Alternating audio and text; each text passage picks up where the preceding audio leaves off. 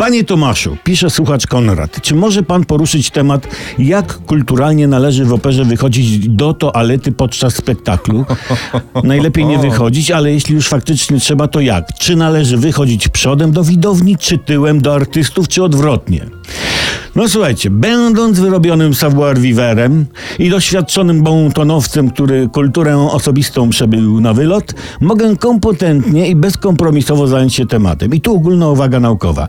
Potrzeby, za którymi wychodzimy, generalnie dzielimy na małą i dużą. Nazywane też potrzebą jeden i potrzebą dwa, w skrócie jedynką i dwójką.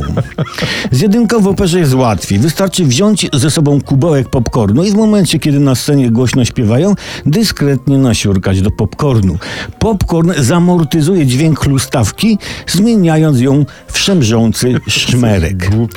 Dwójki nie załatwiamy do kubełka. No bo widz obok zapyta, pan robi kupę?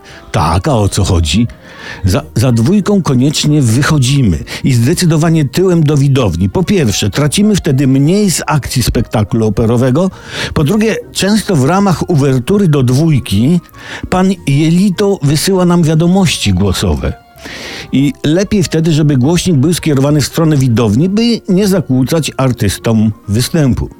Koneserzy opery biorą ze sobą chipsy i szeleszczą opakowaniem, zagłuszając sygnały nadchodzącej dwójki. No ale przede wszystkim, no po co w ogóle chodzić do opery, jak się komuś chce? No, wiesz, że będziesz załatwiał potrzebę? Siedź w domu.